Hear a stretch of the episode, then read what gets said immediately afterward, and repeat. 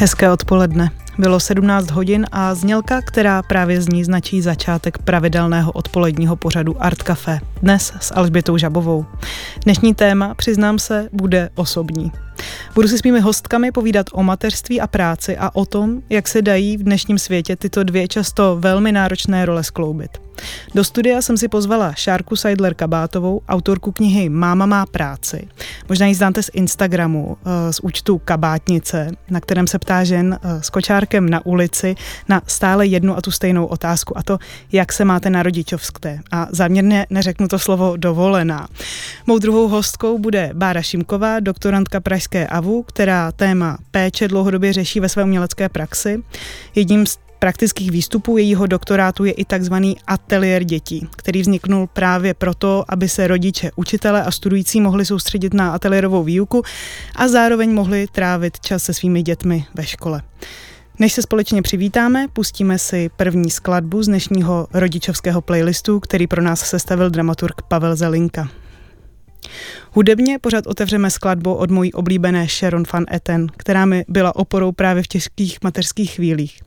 I do jejího života a kariéry zasáhlo mateřství silně a to tak, že na obal desky Remind Me Tomorrow z roku 2019 umístila momentku nepořádku z dětského pokoje. Intenzivní rodinné prožitky zaplnily i Následující prozatím poslední album We have been going about this all wrong. Z něho si pustíme vyznání svému synovi baladu nazvanou Home to Me.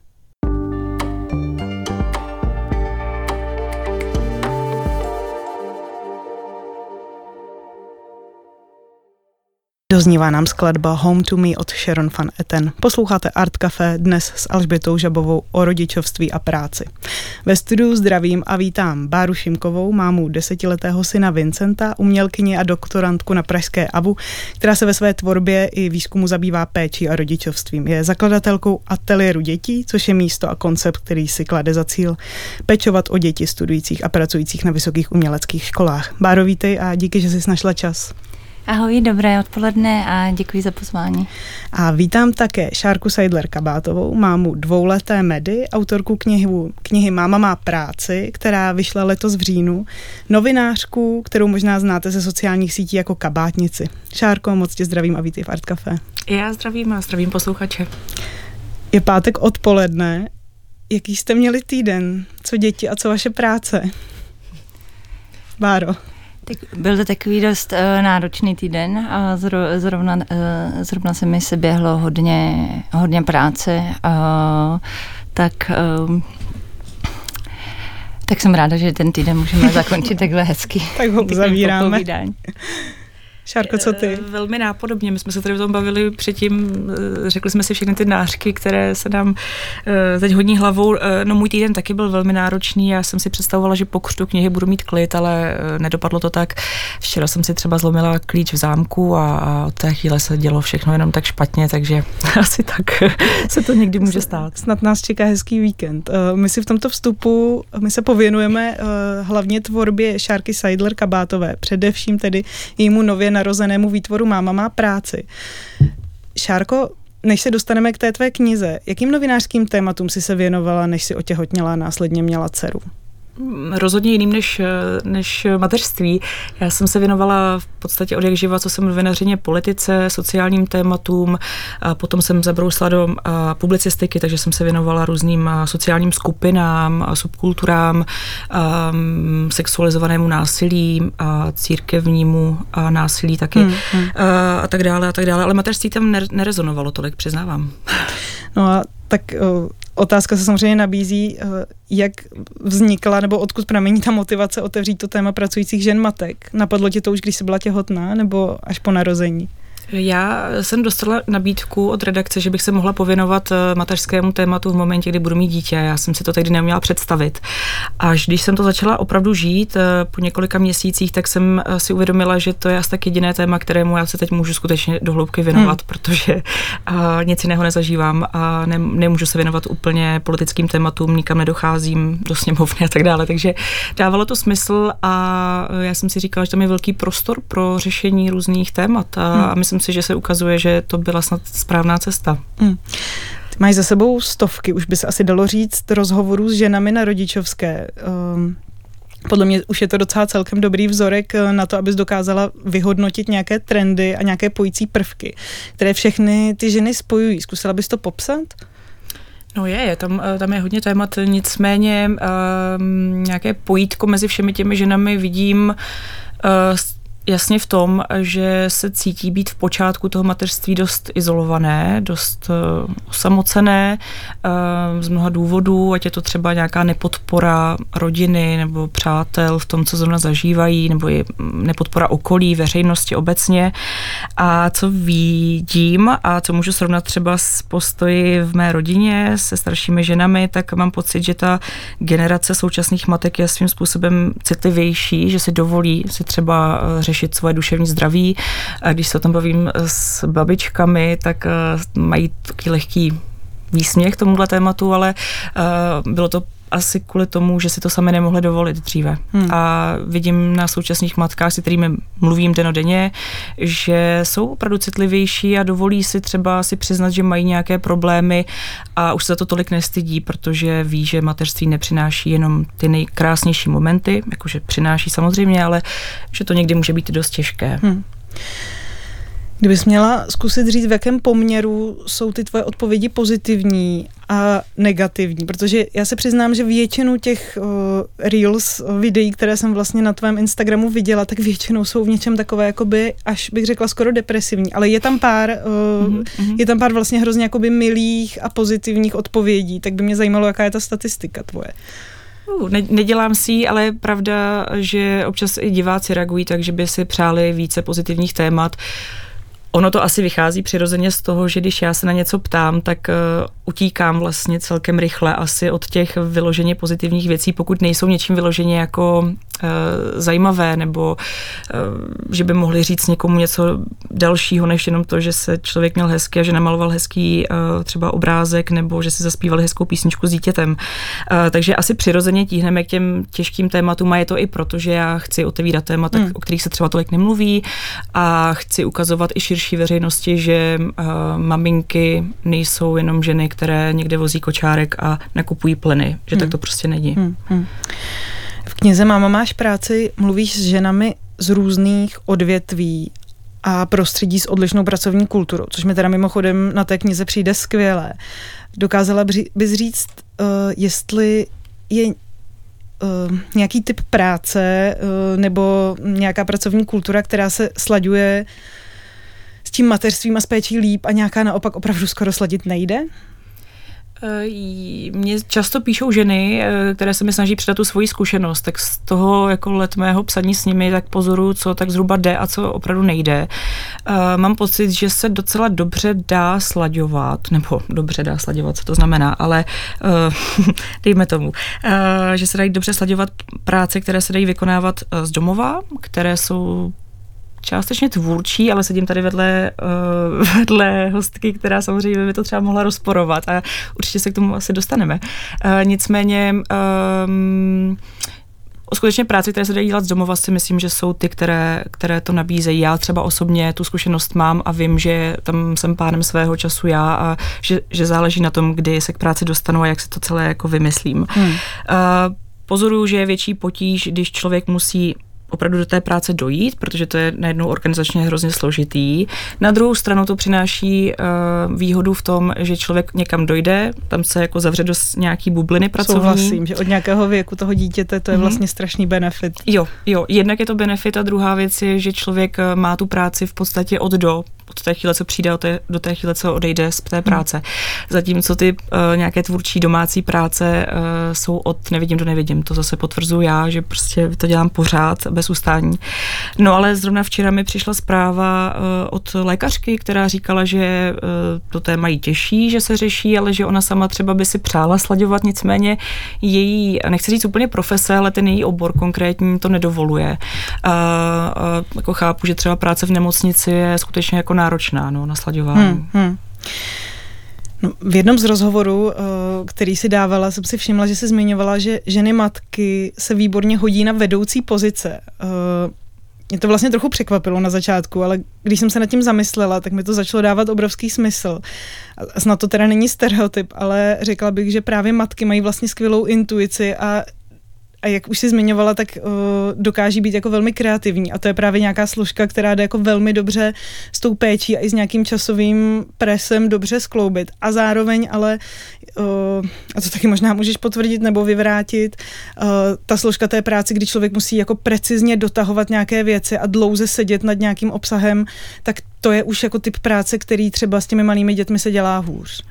Uh, ano, to, to potvrzuju. Um, slýchávám to dnes a denně od, od žen a sama to potvrzuji i jako ve svém příběhu. Uh, nicméně to, jak to říkám, tak je to lehká nadsázka. Uh, na druhou stranu, uh, na druhou stranu si myslím, že je to přesně námět k zamyšlení, protože ženy eh, nebývají v vedoucích pozicích, to prostě ukazují všechny možné statistiky, víme, vidíme to, ale je to strašná škoda, protože ten ženský element eh, v tom pracovním prostředí je velmi cený a um, určitě by přinesl mnoho zkvalitnění toho prostředí a je to právě ta věc, a nechci to stavit na pědestal nutně, ale ta věc, že žena dokáže mm, během té práce zajistit i spoustu dalších věcí a celé to zmanéžovat tak, aby to jako fungovalo, tak to je třeba věc, která by se v tom, na tom pracovním trhu měla nějak ocenit a myslím hmm. si, že je škoda, že se to ještě neděje. Hmm. No, já na to navážu, ty jsi se vlastně stala takovým advokátem myšlenky, že pracovní trh naprosto zapomíná na tu obrovskou skupinu pracovní síly, která je, jak už si říkala, neobyčejně odolná, zvládá time management skoro jako nikdo jiný a často je vlastně i velmi kvalifikovaná a o, jako o soft skills ani už jako nemluvím. Uh, jak si teda vysvětluje, že i přesto, že neustále ze všech stran slyšíme, že v úvodovkách nejsou lidi, uh, tak v některých odvětvích se na ty skupiny pečujících žen, matek eh, vlastně úplně zapomíná. Jo, typicky právě třeba to zdravotnictví, kde opravdu ten personál chybí uh-huh. a kvalifikované prostě síly není možné nabrat na nějaké částečné úvazky. Já bych se ráda dostávala do nějakých jako stereotypů, no to k tomu lehce svádí. Na druhou stranu, uh, já myslím, že je prostě základní kámen úrazu uh, základní prostě problém v tom, že uh, my se na ty matky koukáme hrozně špatně ve společnosti a ono to potom odráží to pracovní prostředí. My, to, to my v uvozovkách to mlíko v hlavě. Prostě. Jo, jo, jo, jako, no ano, prostě když matka odejde na tu rodičovskou nebo v, vlastně v počátku na mateřskou dovolenou, uh, tak uh, já mám pocit, že um, se z toho pracovního prostředí opravdu jako ztratí na několik týdnů a vlastně nik, nikoho nenapadne, že i v tomhle období by se teoreticky dalo něco jako hmm. vymyslet. Samozřejmě hmm. ne vždycky to každá žena chce a třeba by to i nešlo z mnoha důvodů, ale mm, rádo se na ty matky vlastně zapomíná a je to, je to škoda, protože jako myslím si, že furt se potvrzuje, že to jsou prostě velmi cené pracovnice, to zní teda asi hrozně, ale um, je to je to strašná řádka lidí, kteří mají přesně velkou kvalifikaci a, a mají ambice a e, tu práci nevnímají jenom jako práci, takže Ježíš Maria, já bych byla pro, aby se prostě víc zabojovali. Hmm, hmm.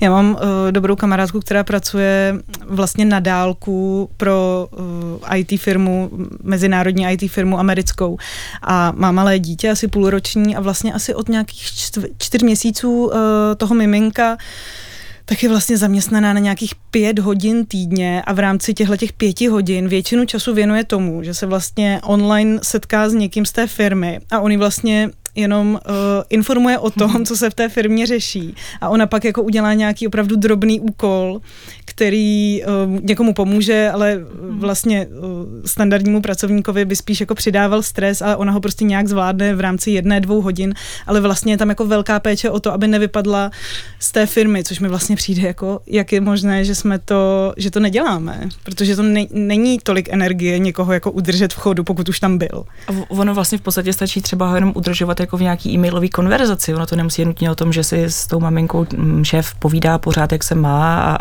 co dělá, to jsem tady asi teď já, abych byla jejich psychologem, dejme tomu, ale uh, dělám si srandu. Nicméně um, není tak těžké ty matky udržet, uh, jako v dál při vědomí, co se děje v práci a, a dát jim najevo třeba minimálně, že, že, že tam jako někdo pro ně je a že když budou chtít, takže se můžou někomu konkrétnímu ozvat.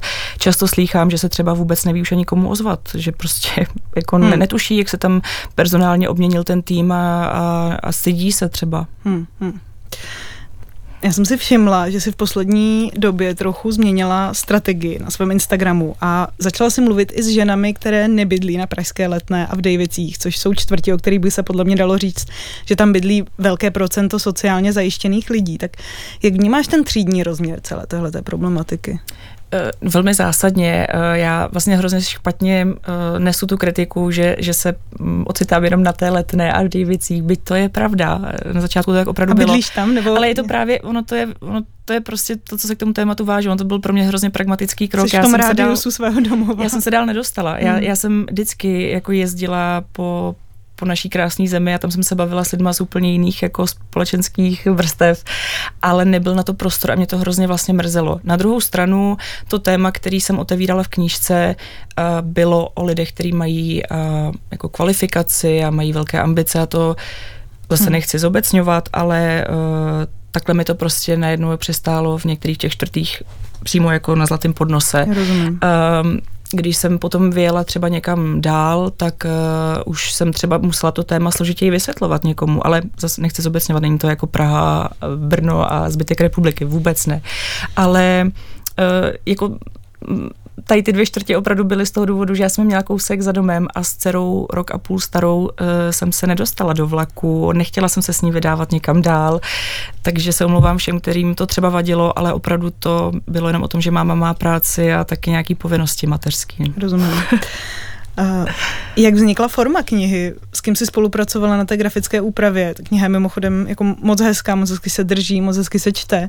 Uh, jak jsi se snažila ty nebo fotograf zachytit ženy na fotografiích, protože každá ta žena, se kterou děláš rozhovor, tak eh, je, je tam nějak vyportrétovaná, buď s, dě, s dítětem, myslím, že ne vždycky s dítětem, ne, ne vždycky s dítětem. Taky, že, no. A vlastně jsou tam i kresby, napadá mě, či by mohly být, ale nechám tu odpověď na tobě.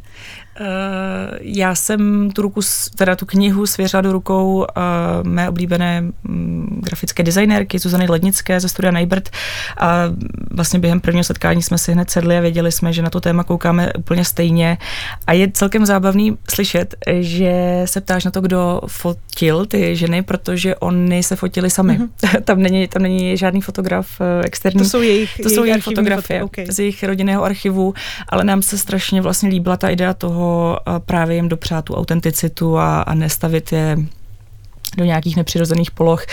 Mně se moc líbí třeba, teď se vybavu fotku Větkyně Adely Šimkové, která tam leží na gauči s počítačem na klíně jo, jo, jo. a má za sebou ty hordy prádla.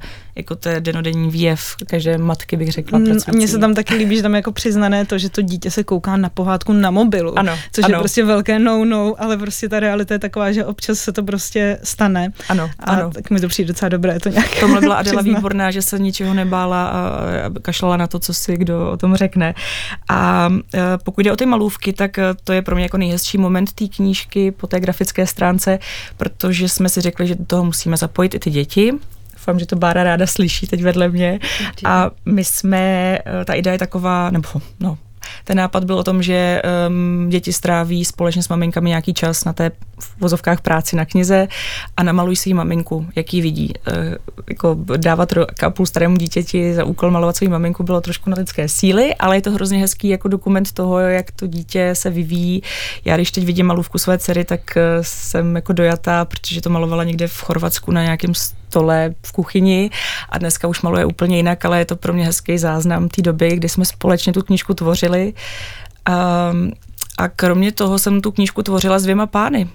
Je to vlastně strašně zajímavé, že za tou hlavní ideou stojí ještě dva mladí muži. Bezdětní? Bezdětní, ano, ano, ale úplně skvělí a, a jak tě podpořili?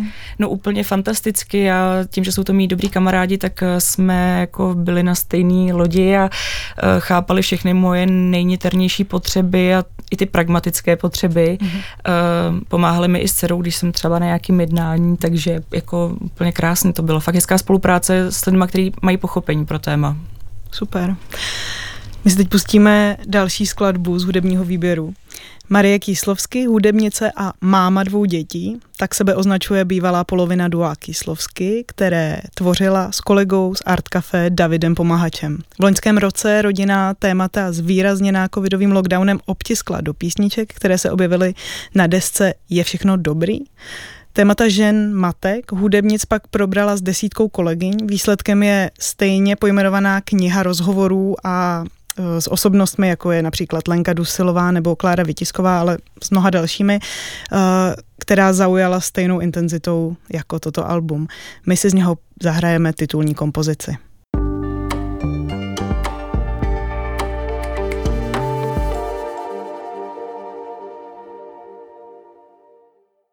Doznívá nám skladba od Marie Kýslovský. Posloucháte Art Café na vlnách Vltavy dnes o dětech, mateřství, práci, penězích a kariéře. A o tom, jak se dají tyhle priority sladit, jestli to vůbec jde.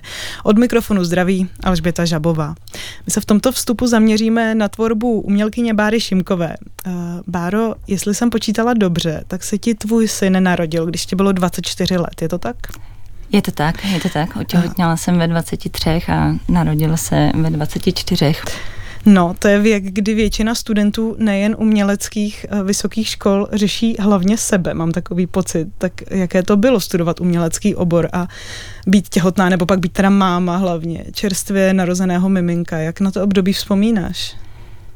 Vlastně na něj vzpomínám dobře. Často uh, si říkám vlastně tím, že synovi už je deset let, že je to jako taková trochu historie.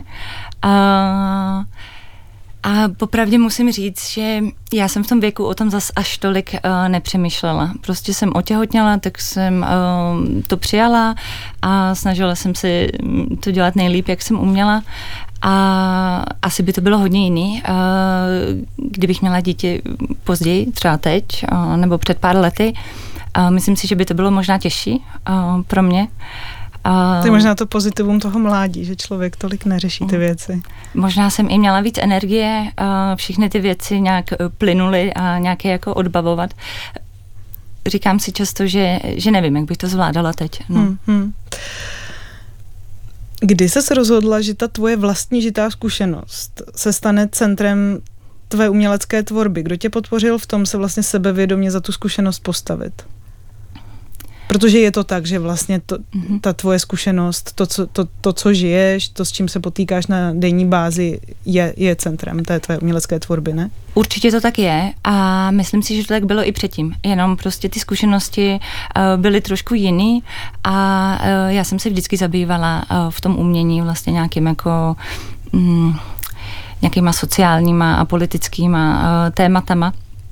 A uh, ty jsi nejdřív studovala bakaláře v Ústí, pak magistra jo. v Brně, je to tak? Ano, ano. A, a teď, teď jsem na ABU. Takže eh, ale vlastně vždycky jsem bydlela, eh, vždycky jsem bydlela v Praze, takže jsem třeba eh, dojížděla mm-hmm. do mhm. toho Brna, takže to bylo docela, docela náročný. A byla jsem vlastně zvyklá, nebo myslím si, že to v tom umění je často. Člověk vychází z nějakých svých jako pocitů a z těch a tvoří vlastně z toho, co, co se mu děje v tom životě. Takže myslím, že to v něčem byla přirozená cesta, taky je to nějakým, mm, myslím, jakoby trendem, ne, ne, nevím, jestli trend je zrovna to vhodné slovo, ale vlastně je to prostě ne? možná už i nějakým takovým jako standardem, který, který přístupem k práci, který uh, prostě sledujeme. Já možná narážím na to, že aktuálně studuješ doktorát u Kateřiny mm. Olivové a já si vybavuju, že když jsem s ní dělala tedy rozhovor v Art Café, tak ona na tohle právě narážela, na něco, co vlastně, když ona studovala, tak v té generaci o, o, opatrovíš, uh, nebylo úplně běžné to vlastně jako otevřeně přiznat, že to, z čeho vycházím, jsem, jsem jakoby uh, já a ta moje zkušenost, že, že to vlastně jako to konceptuální umění bylo trošku jinde a teď se to zase možná jako posouvá posouvá někam jinam, tak na to možná hmm. narážím. Určitě si myslím, Vlastně že mě zajímá, kdo, kdo tě v tom jako podpořil, v tom třeba otevírat to téma mateřství. Eh, určitě jsem v tom byla podpořená jak Kačou, tak Darinou Alster a eh, jak jsem mluvila o tom vývoji, myslím, že, ten, že to je prostě obrovský jako obrovský kroky, který se, který se udály. A je to jakoby díky práci mnoha žen. A když se bavíme o tom umění, tak celý řady umělkyň. A k tomu, aby jsme si vlastně vůbec mohli dovolit tématizovat uh, takovýhle témata.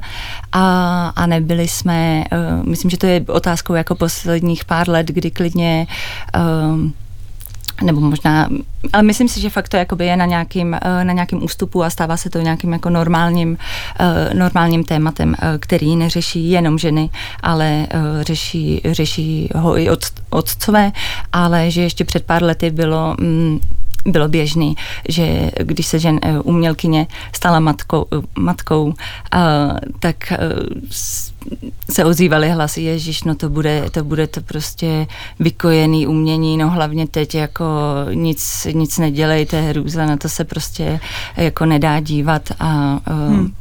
Tak... Na, napadají mě slova Marie Lukáčové, která v nějakém rozhovoru, myslím pro Radio Wave, uh, vlastně říkala, eh, možná ji necituju úplně přesně, ale říkala, myslela jsem si, že když jsem, eh, když jakoby ze mě bude máma, tak jsem vlastně jako umělkyně skončila. A myslím si, že zrovna na tom jejím případu je docela hezká ukázka, že to tak vůbec být nemusí, mm-hmm. i když je zatím vlastně velká spousta dřiny teda. Určitě a těch, těch případů je víc a, a já mám třeba na akademii kolegyně, doktorantku eh, Martinu Smutnou, která se taky jako zabývá hodnocením vlastně eh, těch prací a, a, a těch rozdílech jako v hodnocení eh, studujících jako žen, žen a mužů a vlastně třeba v těch 90. letech to byl dost, dost jako standard, že se s tím prostě automaticky počítalo a nevěnovalo se třeba ani tolik pozornosti studentkám, protože se předpokládalo, že tu kariéru prostě neudělají. A budou rodit protože, No. Hmm. Uh, my si teď pustíme krátkou ukázku z pohádky Trpaslík a umělkyně, kterou si vytvořila na Bienále ve věci umění v roce 2022. Můžeš ten projekt jenom v krátkosti představit? Nebo tu pohádku? Uh, jasně. Uh, já jsem dostala tuhletu nabídku uh, od uh, Transitu, který pořádá uh, Bienále uh, v Praze a uh, dlouho jsem přemýšlela, uh, jak, jak, jak s tím naložím. A nakonec jsem došla k tomuhle tomu formátu, který, ze kterého jsem měla radost a který mi vlastně uh, hrozně vyhovoval a umožnil mi um,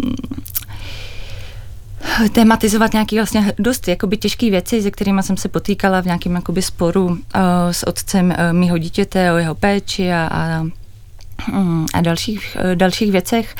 A takže je to taky vlastně jako do značné míry autobiografický, ale tím, že je to pohádka, tak vlastně mm, mi to dalo hroznou jakoby svobodu a to vyjádřit tak, jak, eh, jak vlastně potřebuju a mm, a celý mi to do toho sedí, vlastně používat ty formáty těch eh, jako nějakých dětských výstupů.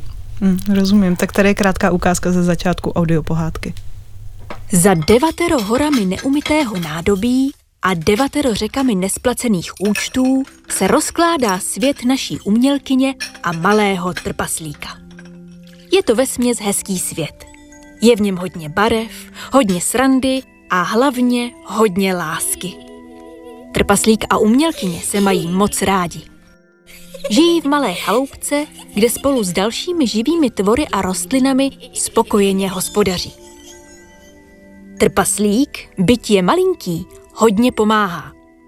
Jeho doménou je především péče o odpad, který se v chaloupce vyprodukuje. Všechny odpadky vždy pečlivě rozstřídí a odnese je na příslušná místa. Trpaslík a umělkyně spolu někdy vyráží za dobrodružstvím do vzdálených krajů. Někdy zase jenom tak lenoší v pelíšku. Mají rádi příběhy, také mají rádi sladkosti. Trpaslík nerad usíná sám. Má noční chmury. Umělkyni to trápí a tak často uléhá s ním. Slyšeli jsme úryvek z pohádky Trpaslík a umělkyně od Báry Šimkové. Eh, Bára už před tím úryvkem vlastně nastínila, eh, co jí ten, nebo proč si vybrala ten formát, ale možná to zkus ještě uh, krátce rozvést vlastně, uh, jak se ti pracovalo a proč jsi vlastně vybrala ten formát pohádky ve chvíli, kdy jsi jakoby řešila nějakou svou jako velmi reálnou, reálný problém tady z tohohle světa a najednou najednou se to vlastně otisklo v tom jako fantazijním světě pohádek. Mně to přijde, mně to, mně to přijde vlastně velmi uh, přiléhavé, ale zajímá mě, jak se ti, jak se ti to psalo, jak se, jak se ti na tom pracovalo. Um, je to jako fakt um, je to pro mě hodně těžký téma, který hodně jako ovlivňuje vlastně uh, jako můj život i, i pracovní, i nějakou, nějaký, jako, nějakou emoční uh, pohodu. A uh, umožnilo mi to vlastně vrátit se uh, k těm věcem, nějak si je všechny uh, projít, uh, tak nějak jako proži, nějak se s nimi uh, srovnat a zároveň jako vytvořit nějakou uh, zkušenost, kterou myslím, že můžou mít i, i další lidi, ale vždycky, když se pouštíme do nějakého takového tématu, uh, tak um, jo, všechny ty, obě dvě ty strany na to mají uh, nějaký pohled a ne, myslím si, že zase by nebylo úplně uh, fair. Um, já jsem prostě zkrátka jako potřebovala říct tu svoji variantu a v nějakém formátu, ve kterém si to můžu dovolit. A v mhm. tomhle pro mě ta pohádka byla hrozně uh, osvobozující, uh, protože vlastně kdybych to používala ta jako zkrátka je tam dovolená no, vlastně. Ano, mm. ano a vlastně tam záměrně používám mm, takový hodně stereotypní archetypy z těch, eh, z těch pohádek. Ano, takže... je, tam, je tam čarodějnice, drak jo. Eh, a tak dále. Ty od roku 2020 studuješ doktorát na Albu právě pod vedením Kači Olovové a Dariny Alster, ve kterém se zabýváš, uh, cituji, radikálním konceptem v oblasti péče o děti. Uh, tak můžeš tu tvou práci, která sice ještě není úplně u konce, ale už rozhodně nabrala nějaké reálné kontury posluchačům představit? Hmm. Tak v nějaké obecné rovině uh, ta moje doktorská práce se vlastně zabývá uh, pozicí, postavením právě rodičů z té akademické obce uh, a jejich problémy, um, které Mm, jsou prostě jiné než těch uh, členů a členek, který prostě ty děti nemají, ale to neznamená, že um, neřeší zase nějaké jakoby uh, jiné věci. Ale uh, tak, jak tady předtím říkala uh, Šárka, že se před těhotenstvím a předtím, než si narodila dcera, vlastně těmi tématy mateřství nezabývala, tak já jsem se jima taky úplně nezabývala a vlastně ještě... Já nějaký, taky ne. a vlastně ještě v nějakým jako raný uh, fázi toho, když byl syn hodně malý, tak jsem se jim dokonce i docela bránila. A, a potom e, určitě k tomu vedlo i to i, i setkání s Kačou a Darinou a mno, spousty jako uh, dalšíma kamarádkama, uh, které se staly, které se staly v podobné době uh, matkami. Uh, právě k tomu uh, vlastně ani člověku moc nic jiného nezbylo. Myslím, že jsem taky jako do, došla, uh, došla do tohohle hmm, toho hmm, hmm uh, bodu. Uh, jak chci něco nechat No a kdybys měla, kdybych měla třeba představit ten praktický výstup mm. tvého doktorátu, což je ateliér dětí, už jsme o něm mluvili. Jak to funguje? Co to vlastně je za platformu? Ono je to asi takové místo hlídání, setkání, ale zároveň je to taková platforma tvého výzkumu, jestli jsem to pochopila ano, dobře. Je to, je to přesně takhle. Vlastně my na, na naší škole funguje ateliérová výuka, máme ateliéry, sochy, malby, nových médiích a tak dále a vlastně vedle toho, vedle toho tam máme ten ateliér dětí, takže to je jako trošku vtípek, a, ale na druhou stranu to má nějaký jako praktický důvod a to, že vlastně v době těch ateliérových schůzek, kdy všichni mají být eh, ve škole, tak eh, nabízíme vlastně možnost umístit děti do toho, toho prostoru, do toho našeho ateliéru a eh, jak vyučujícím, tak nebo, a ne, nebo i dalším zaměstnancům, tak studujícím umožnit pár hodin diskutovat. Mm-hmm. A, nebo si zajít na kafe. Myslím, že to je úplně uh, v pohodě. To je skvělý. No. Nám dozral čas k další písničce. Eh, své těhotenství a čerstvé mateřství na své desce probírá i majitelka jednoho z nejúchvatnějších hlasů na alternativní scéně, Megan Ramey, a.k.a. US Girls kanadském Torontu usazená američanka skladby naplnila tímto tématem letošní album Bless This Mess. A to nejen okolo materství se točícími texty, ale také zvuky, typickými pro toto životní období. Například rytmus skladby Pump, kterou si pustíme, udává odsávačka mateřského mléka. Tady je.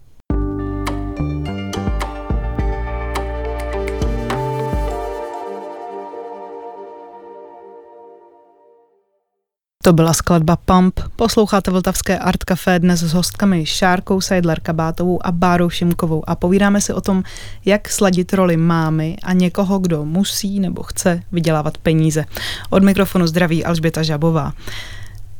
Já bych do tématu pracujících rodičů teď tak trochu hodila pomyslné vidle a zkusím se zeptat vás obou. Zda vás někdy nenapadá, že ta cesta, jak to celé zvládat, není lépe slaďovat, ale prostě pracovat uh, trochu míň.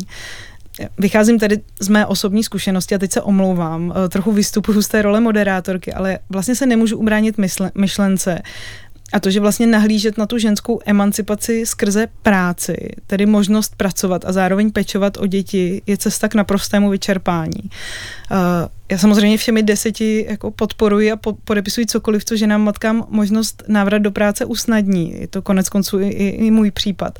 Ale možná by se mělo otevřít i téma, že i vlastně ta sdílená péče s partnerem je vyčerpávající a možná není nutné dokazovat sobě i, i svému okolí, že to vlastně všechno zvládnu. Co, co si o tom myslíte vy?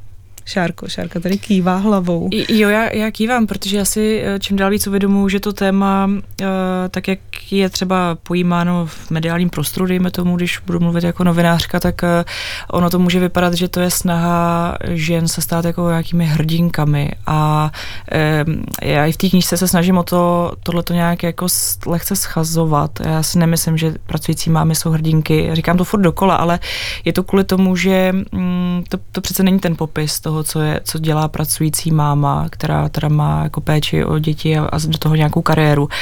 E, ono to opravdu jako je vyčerpávající a není na tom vlastně, nebo takhle, jako heroický co na tom je, ale nemyslím si, že to je opravdu jako definice těch hmm. žen a já v té knižce se snažím třeba i ukazovat v těch rozhovorech, že eh, to není jenom jako pozitivní jev, ono to přináší spoustu negativního do života. Projevuje se to třeba na fyzickém zdraví, na duševním zdraví, na partnerských stazích. Eh, jako není to jenom pohádka nějakou jako hezkou růžovou zahradou. Hmm. hmm. No, to není. Báro, co ty? Co vyčerpání, to, tohleto téma? Hmm, myslím si, že to je hodně věcí jako nějakého ekonomického zajištění a že prostě celá řada lidí nemá tu možnost uh, volby a mně by přišlo fajn, uh, kdyby li, lidi mohli pracovat méně a dostávali víc peněz. Myslím si, že by to bylo fér, ale v těch podmínkách, ve kterých um, prostě existujeme, tak um, a tak je to možná uh, daný tím, jak je naše společnost zatížená na tu práci, která nás jako definuje.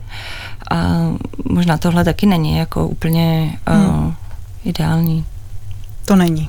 Uh, my jsme v předchozích vstupech uh, téma hlídání dětí obecně školek už trošku otevřeli. Uh, pro většinu povolání je prostě zásadní mít nějaké to v uvozovkách hlídání, což nejlépe suplují školky nebo dětské skupiny, pokud je vašemu dítěti pod tři roky, protože dítě pod tři roky v České republice prakticky nelze umístit do státní školky.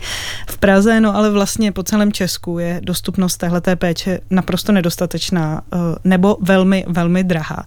Eh, orientujete se nějak v téhle problematice a jak to vlastně eh, v té vaší práci reflektujete? Vidíte třeba nějaké kroly, kroky na polité legislativy, které by do budoucna vedly ke zlepšení?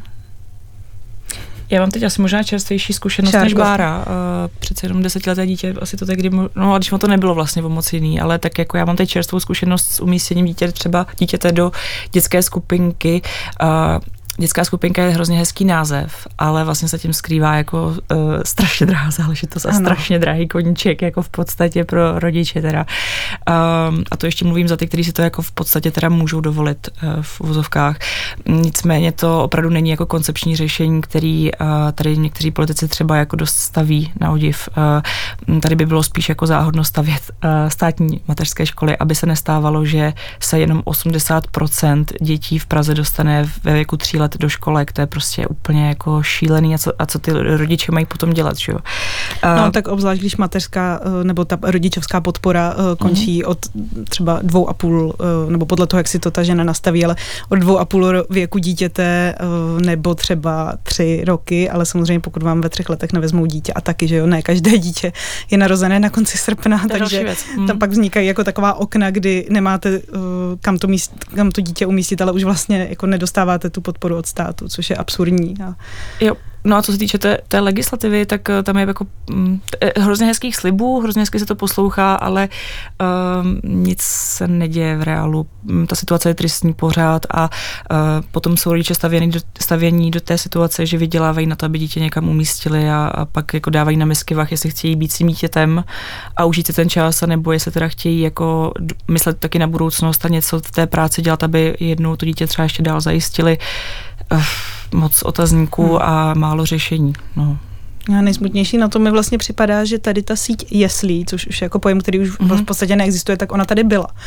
Ono to pak jako získalo takovou jako mm, nálepku pomalu kojeneckých ústavů, kam se mhm. dávají ty pla, ta plačící miminka, ale tak to samozřejmě není. Báro. No já tak vzpomínám hodně. Já vím, že my jsme to tehdy řešili tak, že jsme vlastně, že jsem měla to štěstí, že ve stejnou dobu mělo hodně eh, kamarádů a kamarádek, taky děti, takže jsme tak si to vlastně... skvěle, na to, že vym... bylo 24 let, tak to je Tak oni byli různého věku. A, takže jsme si vytvořili takovou své pomocnou skupinu, ale to samozřejmě obnášelo c- eh, jako strašnou spoustu eh, práce, ale nějak, nějak, nějak jsme to přežili, no, ale hmm. je to tenhle tenhle ten model, nějak jsme hmm. to zvládli jsme to a přežili, přežili ale No, já teď hodně spíš straglím s tou základní školou, to je tak...